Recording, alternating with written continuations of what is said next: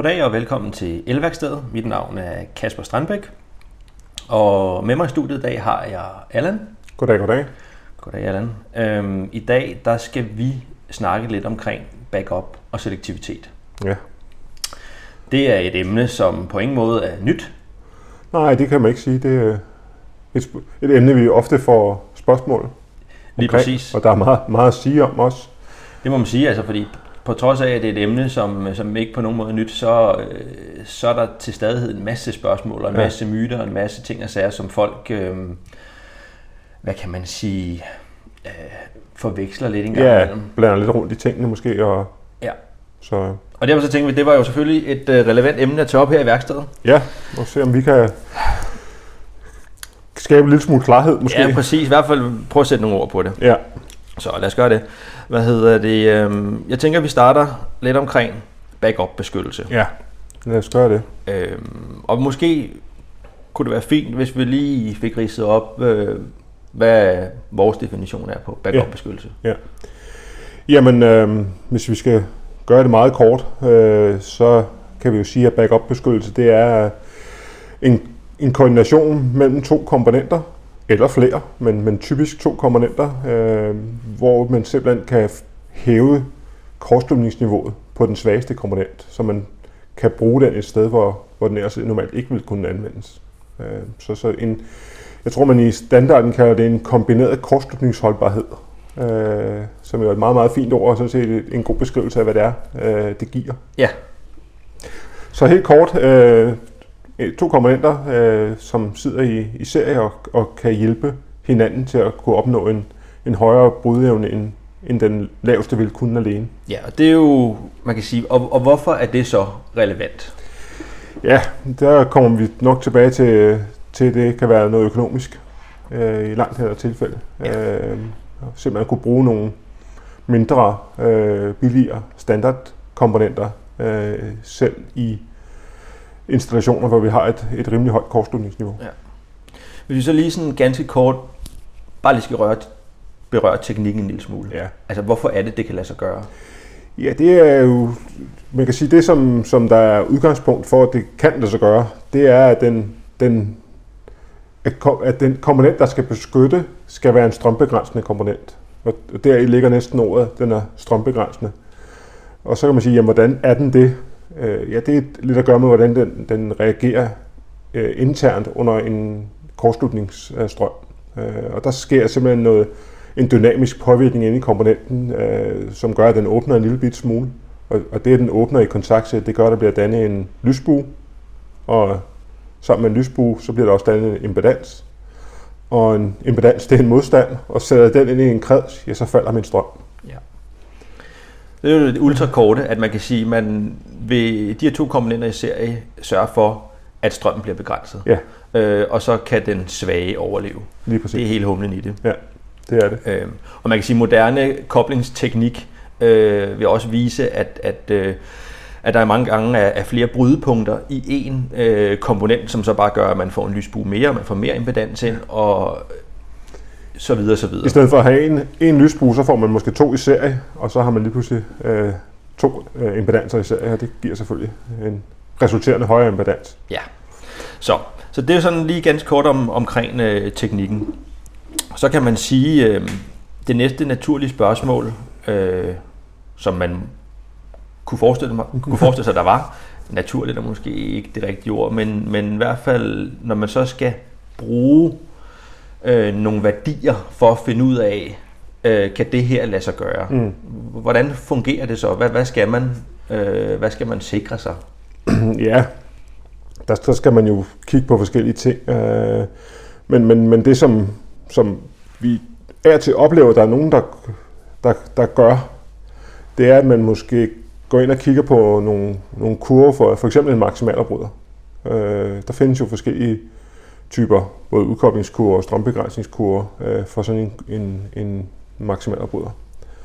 Og der kan det måske være fristende til at gå ind og kigge på en strømbegrænsningskurve på den, og, og så sige, okay, jamen kan jeg ud fra det så selv lave en backup-beskyttelse øh, ved at, at sammenligne nogle værdier og kigge på noget, noget strømbegrænsning, holde det op mod noget brydeevne på noget andet og, og sådan noget.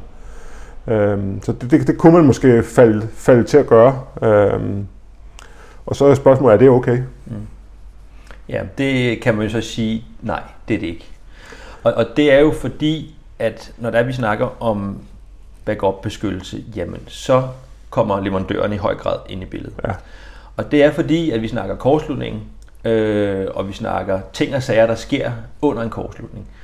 Det er noget, der skal verificeres øh, ved test og i et laboratorie, og hvor man måler på rigtig mange forskellige parametre, øh, for ligesom at sikre sig, at det kan lade sig gøre, og hvad det resulterende niveau er. Ja.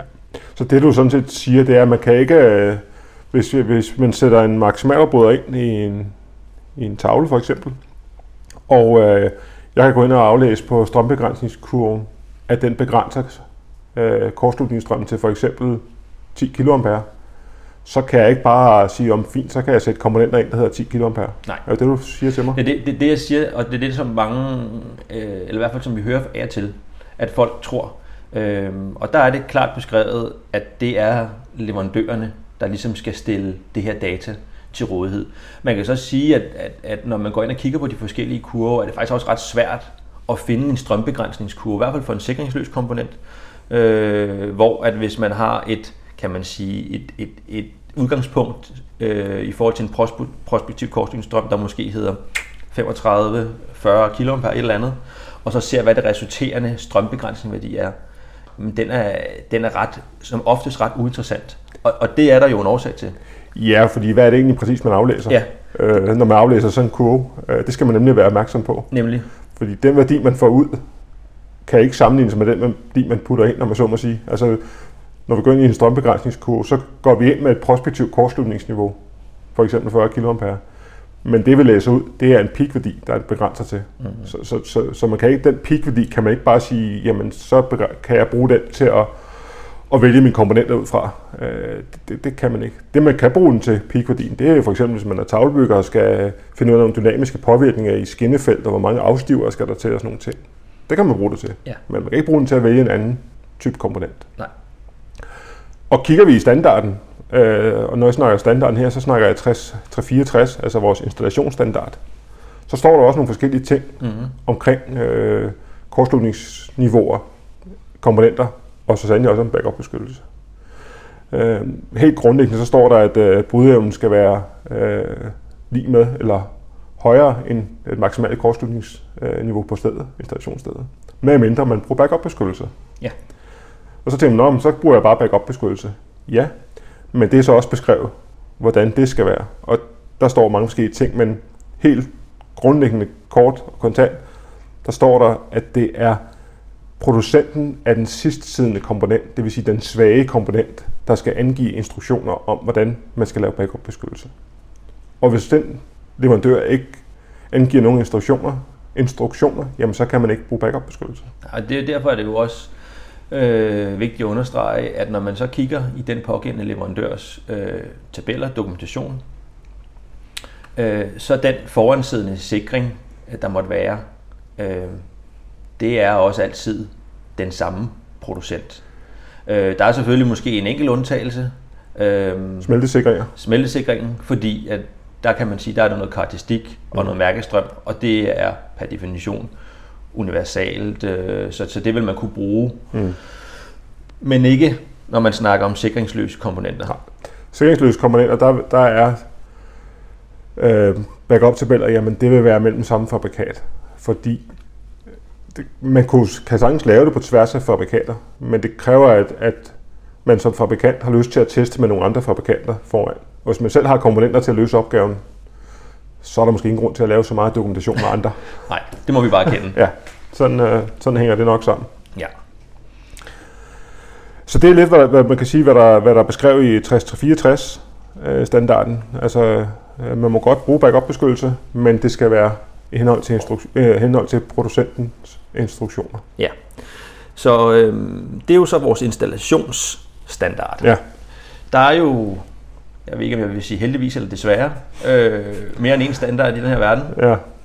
Og en af dem, der kunne være relevant, når vi snakker den her type komponenter, det er jo vores tavlestandard. Og den hedder 61439. Ja. Og det øh, kunne jo egentlig også være meget relevant, om, øh, om der står noget i den, som man kan skrive bag øret. Ja.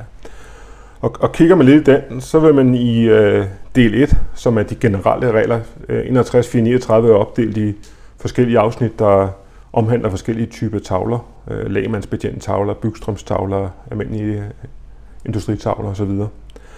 Og et, del 1, det er så sådan de generelle regler for, for hele serien. Mm. Og i den, der står det meget klart, at tavlebyggeren, altså ham, der bygger tavlen, han skal informere om brug af backup beskyttelse i tavlen. Enten ved hjælp af et advarselsmærke på tavlen, eller det er angivet klart i brugsvejledningen til tavlen. Og det giver jo rigtig god mening, fordi at når man som elektriker står derude og er blevet bedt om at skifte en defekt komponent øh, i en i en tavle, eller der skal noget større til, eller hvad der, hvad der opgaven nu måtte være, øh, så er det jo super relevant, at den pågældende person ved, at den komponent, han er i gang med at udskifte, rent faktisk sidder i noget koordination. Og det er ikke bare for sjov, at den sidder i koordination.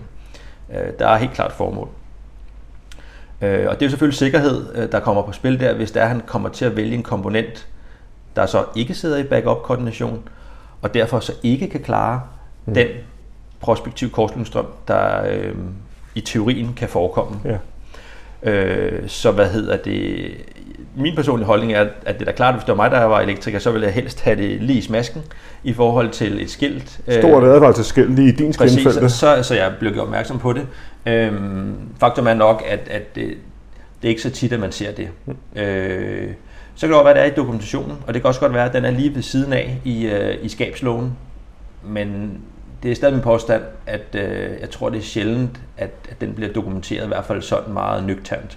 Man kunne i hvert fald sagtens forestille sig en situation, hvor man som elektriker øh, står og kigger på en tavle og siger, enten skal jeg sætte en ekstra gruppe i, eller så skal jeg udskifte en defekt. Og man står og kigger på den her sådan automatsikring, der sidder i. Og der på fronten af den står 10 kA brudjævn for eksempel, jamen så kunne det være oplagt at gå ud i bilen og hente en, der også stod 10 kA på, og så tro, at alt var godt. Ja. Øh, og, og der kan man altså hurtigt risikere at have fået lavet øh, noget skidt øh, på grund af backup-beskyttelse. Så derfor er det rigtig vigtigt at vide, når man og det er det jo altid, når man begynder at ændre på noget eksisterende installation. Hvad er det egentlig, jeg begynder at stå og ændre på? Øh, og har jeg styr på, hvad det er for noget dokumentation, øh, der ligger bagved, og hvad jeg laver om på? Øh, så, så, så, så rigtig vigtigt at have den dokumentation med øh, på, på tavlerne. Og, og som sagt, så, så er det beskrevet i, i tavlestandarden, at det skal være markeret øh, tydeligt. Jamen, øh, det var jo så lidt omkring øh, diverse standarder. Hvis vi så skal kigge på, hvordan at øh, leverandørerne præsenterer den her dokumentation, hvordan kan vi så øh, forklare det? Jamen, det er backup-beskyttelse vil typisk blive øh, dokumenteret ved hjælp af backup-tabeller. Og det er altså nogle tabeller, som leverandørerne laver. Og de øh, tabeller er øh, stort set altid opbygget op på samme måde, hvor man har en, noget, en foransiddende komponent og en eftersiddende komponent. Og det er jo så den eftersiddende komponent, man gerne vil beskytte til et højere kortslutningsniveau. Og øh, der er så simpelthen angivet, jamen, hvad er det for en type for eksempel maksimalafbryder, der skal sidde forrest, og hvad er det for en type og størrelse automatsikring, der skal sidde bagefter. Og så kan man gå ind og aflæse et tal, og det tal er typisk angivet i kiloampere, og det er altså et udtryk for den kombinerede kortslutningsholdbarhed for de her sådan, to komponenter øh, sammen. Og, og det er den typiske måde, at, at man præsenterer de her ja, såkaldte instruktioner, som det er angivet i standarden, men altså det er leverandørens måde at angive backup-beskyttelse på ja. i tabeller. Jamen, øh, det var så øh, backup. Øhm, men der var jo et emne mere, øh, selektivitet. Ja. Så øh, lad os hoppe videre til det. Den korte tekniske forklaring på princippet bag selektivitet. Øhm, kunne du ikke lige starte ud med det? Jo, øh, jeg kan i hvert fald jo øh, prøve at definere, hvad der ligger i ordet selektivitet. Ja. Øhm, og, og det er lidt som, som ordet siger. Øh, vi ønsker som udgangspunkt, at det er beskyttelseskomponenten nærmest fejlen, der kobler ud, og kun den. Det vil sige, at vi får isoleret en eventuel fejl øh, hurtigst muligt i installationen, så den ikke øh, breder sig i form af udkoblinger af beskyttelsesudstyr længere op i, i installationen. Så, så det kan man sige, det er helt kort, hvad selektivitet det er. Det er simpelthen, at vi kun kobler den komponent, beskyttelseskomponent ud, der sidder nærmest fejlen. Ja, så om andre ord, driftsstabilitet, kan man sige. Driftssikkerhed. Det ja. er en, nok det, det, det vigtigste, i, når vi snakker selektivitet. Ja. Så kan man jo sige, øh, i forhold til, og hvis vi sammenligner lidt med backup, så kunne man spørge, kan man så godt selv lave øh, selektivitet? Har man mulighed for som installatør, elmand, et eller andet, og, øh, og selv lave selektivitet? Ja. Spørgsmålstegn. Ja. Øhm, altså man kan i hvert fald sige på, man har større mulighed for det, end man har på backup-beskyttelse. Ja, den er ikke helt, den er ikke helt lige så lige til, vel? Nej, altså backup-beskyttelse, det var meget defineret, at det er leverandøren af komponenterne. Selektivitet kan man godt gå ind og sammenligne nogle udkoblingskurver for beskyttelsesudstyr. Men man vil også typisk hurtigt opdage, at de her kurver kommer til at ligge oven i hinanden. Der, hvor vi, hvor vi kan sammenligne dem, og selv som lægemand lave selektivitet, det er overbelastningsbeskyttelsesområdet øh, ja. imellem komponenterne. Ja, lige inden du fortsætter, fordi igen det der med kurver og ligger oven i hinanden, det er jo selvfølgelig en forudsætning, at man har noget dokumentation igen fra leverandøren, der stiller en udkoblingskurve til rådighed. Ja. Øh, og, og man kan sige, det er oftest printet i nogle øh, pdf-filer eller på print, hvis øh, man har det. øh, men, men det er jo sådan den enkelte kurve. Mm. Øh, når man snakker selektivitet, så er det jo, at man vurderer flere så derfor så, så, så i dagens Danmark så har man software for den slags ting, hvor, der kan, hvor man kan få øh, evalueret kurve, kurve øh, sammen, altså flere mm. komponenter på, på, på, den, på det samme billede. Præcis. Der, der, der er det øh, relativt nemt at lægge flere øh, komponent, komponenter ind og se deres kurve i forhold til hinanden. Ja. ja. Og når man så gør det, ja. så kan man så se, at, at det sådan tit vil komme til at ligge oven i hinanden. Ja, og især når vi snakker det, vi kalder strømbegrænsende beskyttelseskomponenter. Ja. Og hvad ligger der så i, i, i det begreb strømbegrænsning? Jamen, der ligger automatsikringer, der ligger det, vi kalder kompakt maksimalafbryder. Det vil sige alle mindre maksimalafbryder op til måske omkring 1000 ampere, sådan i, som en grundregel. Ja, præcis. Men i det område, mm. jamen der er det som udgangspunkt strømbegrænsende komponenter.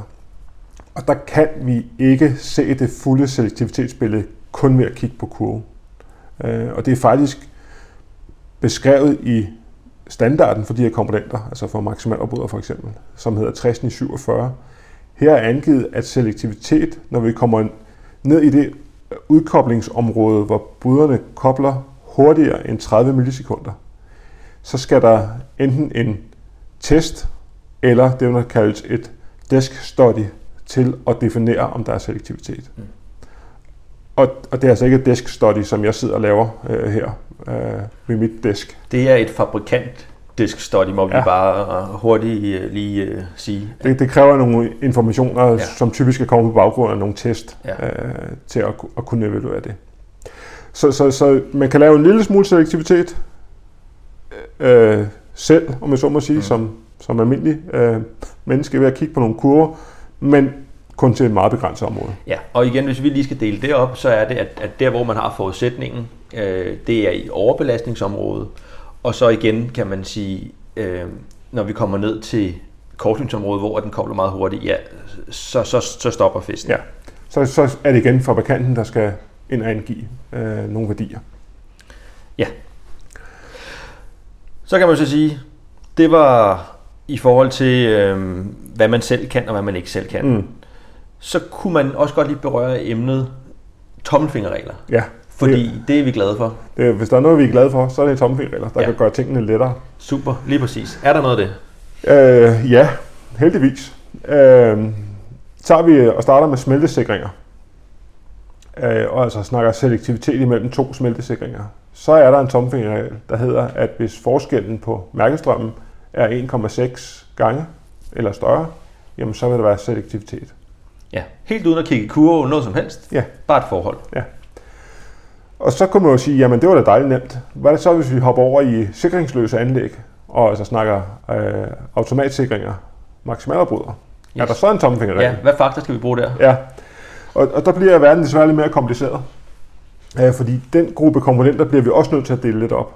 Øh, fordi der er forskel på, om vi snakker automatsikringer, eller vi snakker maksimalafbryder. Snakker vi automatsikringer, så er det yderst begrænset, hvad man kan få af selektivitet mellem to automatsikringer. Og den begrænsning ligger typisk i, når den foransidende øh, automatsikrings bliver aktiveret, jamen så kobler den ud. Og så kobler den lige så hurtigt som den efterfølgende, hvis det er to i princippet ens automatsikringer. For man kan sige, okay, jamen tager jeg en, en 10 amperes automatsikring og en 50 amperes automatsikring, så vil der jo mange, der sige, jamen de er jo ikke, det er jo ikke ens automatsikringer. Og nej, det er det jo ikke. Men alligevel så er de fysisk opbygget på samme måde, fysisk samme størrelse, fysisk samme dimensioner. Og det er det, der betyder noget, når vi snakker selektivitet op i kortslutningsområdet. Ja. Så mellem automatsikringer, meget begrænset. Typisk, så snart vi aktiverer kortslutningsudløseren på den første side, jamen så vil den koble ud med det samme, samme hastighed som den øh, eftersidende. Ja, og igen det der med at lave, øh, hvad hedder det, tommelfingerregler en faktor øh, på overbelastningsdelen, er også bare lidt bøvlet øh, af flere forskellige årsager, så, så derfor så må man sige, at det nemmeste nok i virkeligheden er, at hvis du vil tjekke selektivitet øh, mellem noget øh, i automatsikringskategorien, jamen, så er det relativt nemt igen at få, få, få tegnet den der kurve der. Mm. Det kræver selvfølgelig noget software, jo. øh, og så vurdere det der. Ja. Og som sagt, du, der vil man opdage, at, at, at det hurtigt er begrænset øh, korslutningsmæssigt, hvor højt man kan komme op. Ja, men så kommer vi så til maksimalopbryderne. Hvad, er, der, er der ikke noget... Jo, kan altså, man ikke gøre noget der? Øh, der er, der er øh, lidt en faktor, øh, eller, eller en tommelfingerregel. Og det hænger lidt sammen med, at maksimalopbrydere typisk defineret nogle standardstørrelser. Kigger man på vores og, og også andres serie, så er der nogle typiske standardstørrelser, der er 100, 150, 250, 400, 630, 800 og så deroppe af. Og der er en god tomfingerregel, det er, at hvis man springer en størrelse over, så er det muligt at få selektivitet. Og, og her er det vigtigt at lægge mærke til ordet, jeg sagde, muligt at få selektivitet. For det er der ikke per definition og per automatik. Nej, det skal indstilles korrekt. Men du har muligheden for at få det. Ja. Så man kan sige, at tommelfingerreglen er gældende for ligesom at sige, at du skal videre ind i et andet system for at tage stilling til, hvordan øh, tingene skal indstilles. Fordi det er det, der er jo helt klart er den store forskel på en automatsikring og en maksimalafbryder. En ting er, at der er forskellige øh, ja, rammestørrelser, som man kalder dem i fabrikantsbog, øh, men der er jo også rigtig mange forskellige indstillinger, som er justerbare, som, ja men som ikke er på en automatsikring. Og det er jo det her forskellen er. Det her forskellen er. Så man kan sige, at tomfingerreglen med 2,5 gange, mm. jamen det gør, at du har mulighed for at få det. Mm. Men du kan sagtens indstille en 100 og en 250 amperes maksimal opbryder, så der ikke er selektivitet. Det Præcis. er ikke noget problem. Nej. Øh, men du kan også indstille det, så der er det. Ja. Jamen, så lige for at runde øh, tommelfingerreglerne af, så øh, er der jo den sidste blanding af komponenter, som hedder at sikringsløskomponenter og smeltesikringer. Hvad hvis de sidder sammen, kan man sige, eller i ser i den samme installation? Mm. Hvad så? Og er der nogle tommelfingerregler der? Har vi sådan en faktor et eller andet sted mellem 1,6 og 2,5? Præcis. ja. Nej, desværre ikke. Øhm, vi har derimod udfordringer. Ja. øhm, fordi uh, går man ind og kigger nærmere på udkoblingskurvene i overbelastningsområdet for henholdsvis en smeltesikring og en maksimalopbryder med elektronisk relæ, så vil man opdage, at de to kurveforme, de, de giver lidt øh, udfordringer, når man skal lægge dem op og ned af hinanden. Øh, eller rettere, der, der, der, de kommer hurtigt til at krydse hinanden på den måde, som de simpelthen er opbygget på, øh, rent øh, ja, karakteristikmæssigt. Øhm, og, og derfor tager man et, et, et, et eksempel på en, en 100 amperes smeltesikring, så vil man typisk med et almindeligt elektronisk øh, relæ på en maksimalopbryder være nødt til at have, gå op i en 250 amperes øh, maksimalopbryder for, for at få selektivitet. Ja, I princippet springe en, en, en, en, en standard mærkestrøm ja, over. lige præcis. Ja. Øh, og det er jo lidt ærgerligt, øh, hvis det ikke var nødvendigt. Mm. Fordi jamen, havde det været en smeltesikring, så kunne jeg have brugt min 1,6 ja. gange regel. Øh, men, men det er altså lidt den måde, som kurven er bygget op på. Men, men der har vi faktisk en, en version øh, af vores overstrømsrelæer til vores 3VA-serie, som kan løse det problem lidt. Vi har en speciel version af, af ETU-enheden, der hedder ELISA. Og øh, den er simpelthen lavet til at kunne få selektivitet med smeltesikringer.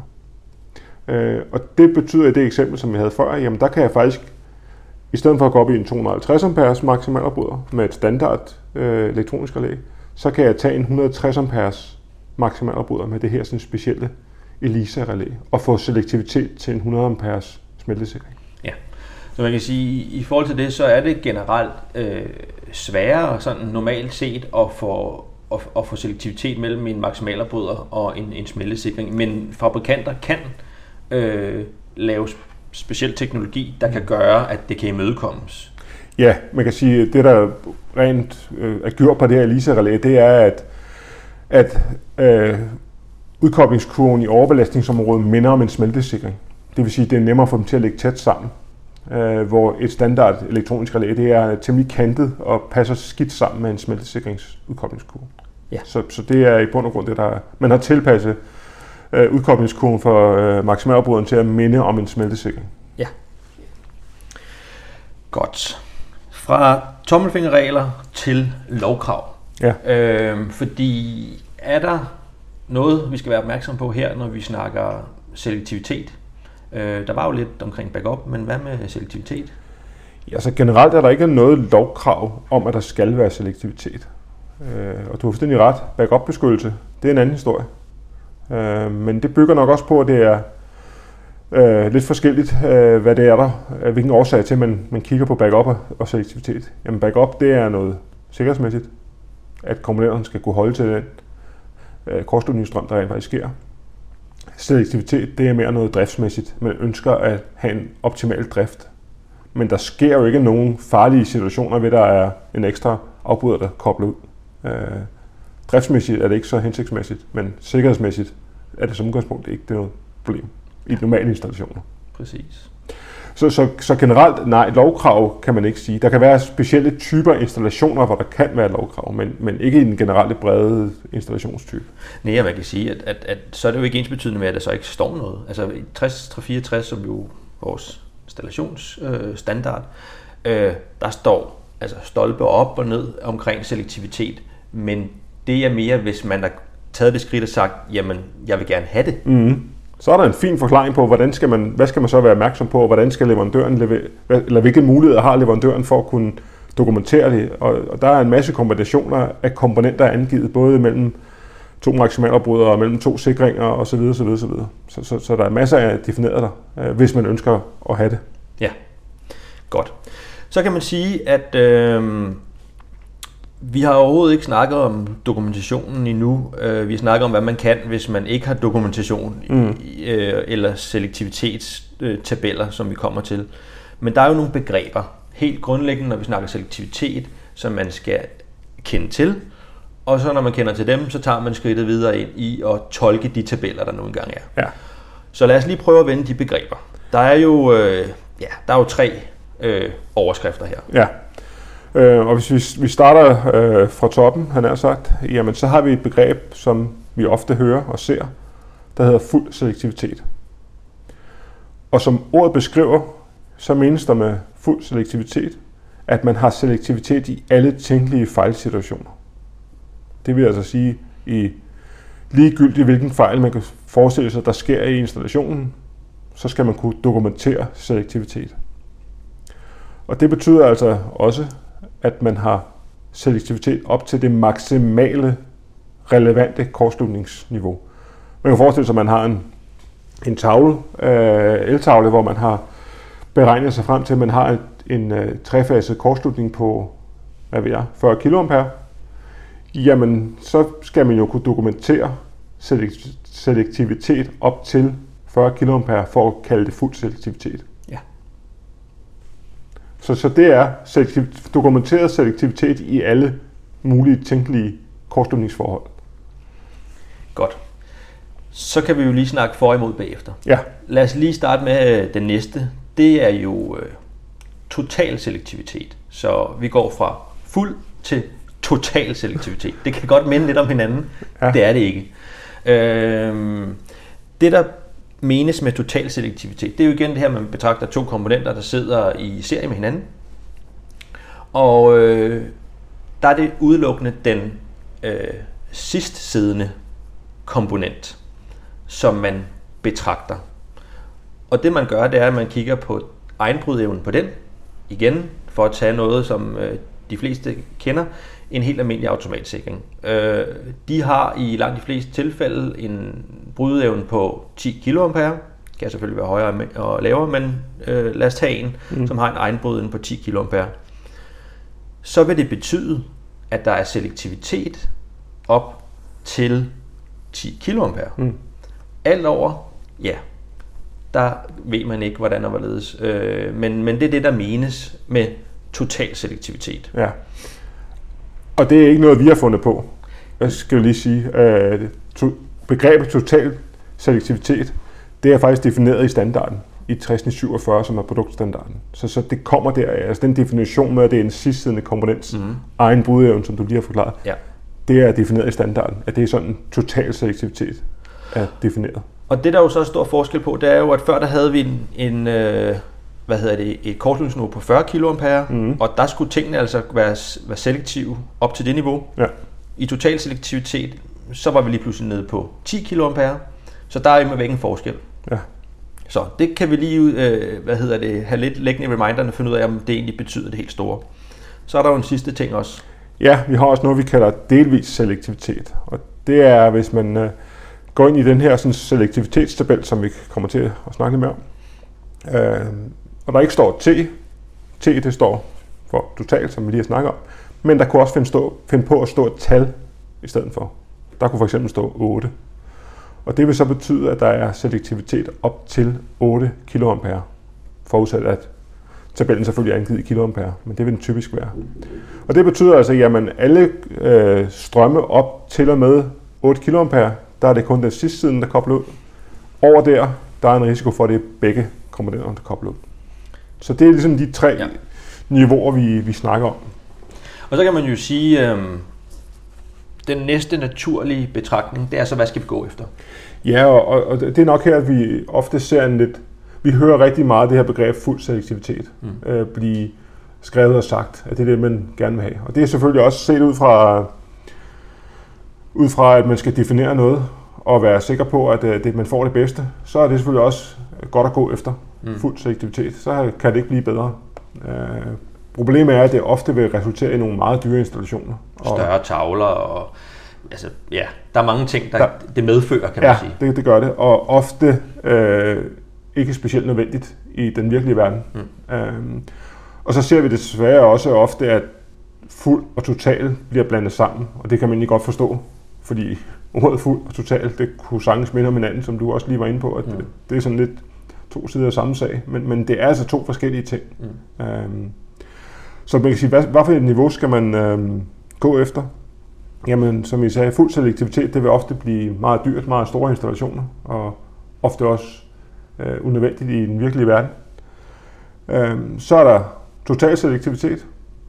Det vil ofte være fint, og som udgangspunkt er jo også det højeste, man kan dokumentere i en normal selektivitetstabel.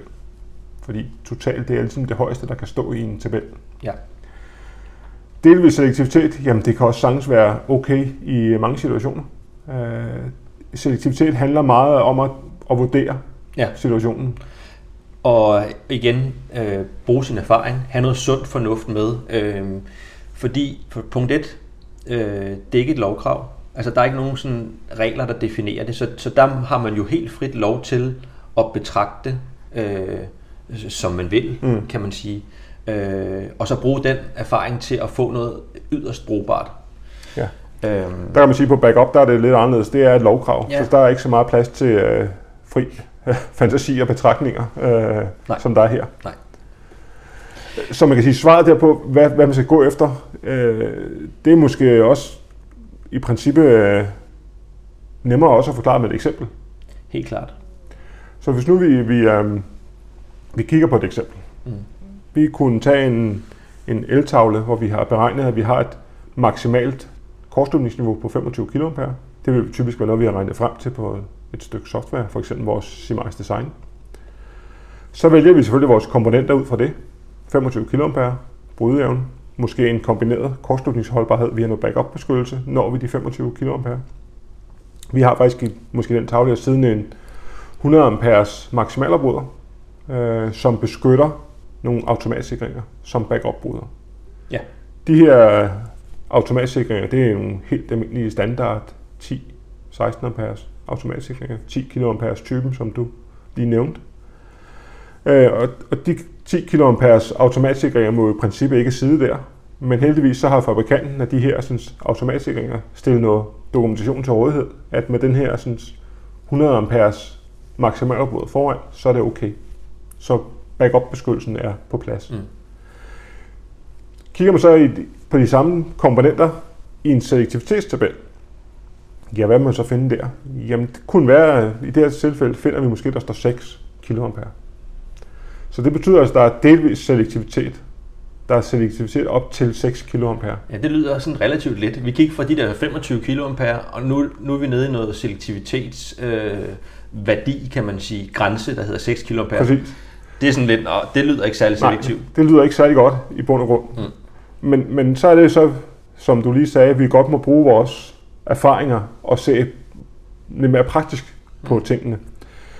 Øh, hopper vi tilbage til vores øh, beregningssoftware og prøver at lave en beregning og sige, jamen, hvor mange meter kabel skal der egentlig til af min afgang ud af den her tavle, før mit kortslutningsniveau falder. Øh, og der lavede jeg en, lige en lille beregning, hvor jeg sagde, jamen, jeg har 25 kA som udgangspunkt. Så skal jeg bare have 3 meter halvanden kvadrat, eller cirka 5 meter 2,5 kvadrat så er jeg under de 6 kA. Mm. Så hurtigt går det. Så hurtigt går det. Mm. Og det vil sige, at jeg er ikke kommet ret langt væk fra tavlen, før mit kortslutningsniveau faktisk er faldet til de 6 kA, som jo er dokumenteret, der var selektivitet op til. Så der kan man jo godt gå ind og sige, okay, jamen, hvad er risikoen for, eller hvad er chancen for, øh, der sker en fejl i installationen kontra ind i tavlen? Hvor sker den typiske fejl hen? Ja. Hvad er den typiske fejl, der sker? Alle de ting spiller lige pludselig en rolle. Ja, og der må man jo så bare sige, at, at det, der er mange måder at betragte det på, men i hvert fald så øh, er der jo også rigtig mange erfaringstal, mm. som, som man kan støtte sig lidt op af. Og hvis vi starter sådan helt baglæns, så kan man sige, at brugsgenstandene, der sker ofte fejl i dem. Og så kan man sige, ellers er det jo ude, hvor det er, at installationen enten er blotlagt, øh, eller bare mere udsat, øh, ja. end, end den er andre steder. Øh, det er jo yderst sjældent, at det er lige op over tavlen, så på meter 5 eller 6. Ja. Øh, og det er også yderst sjældent, at det sker på meter øh, 1 eller 2. Ja.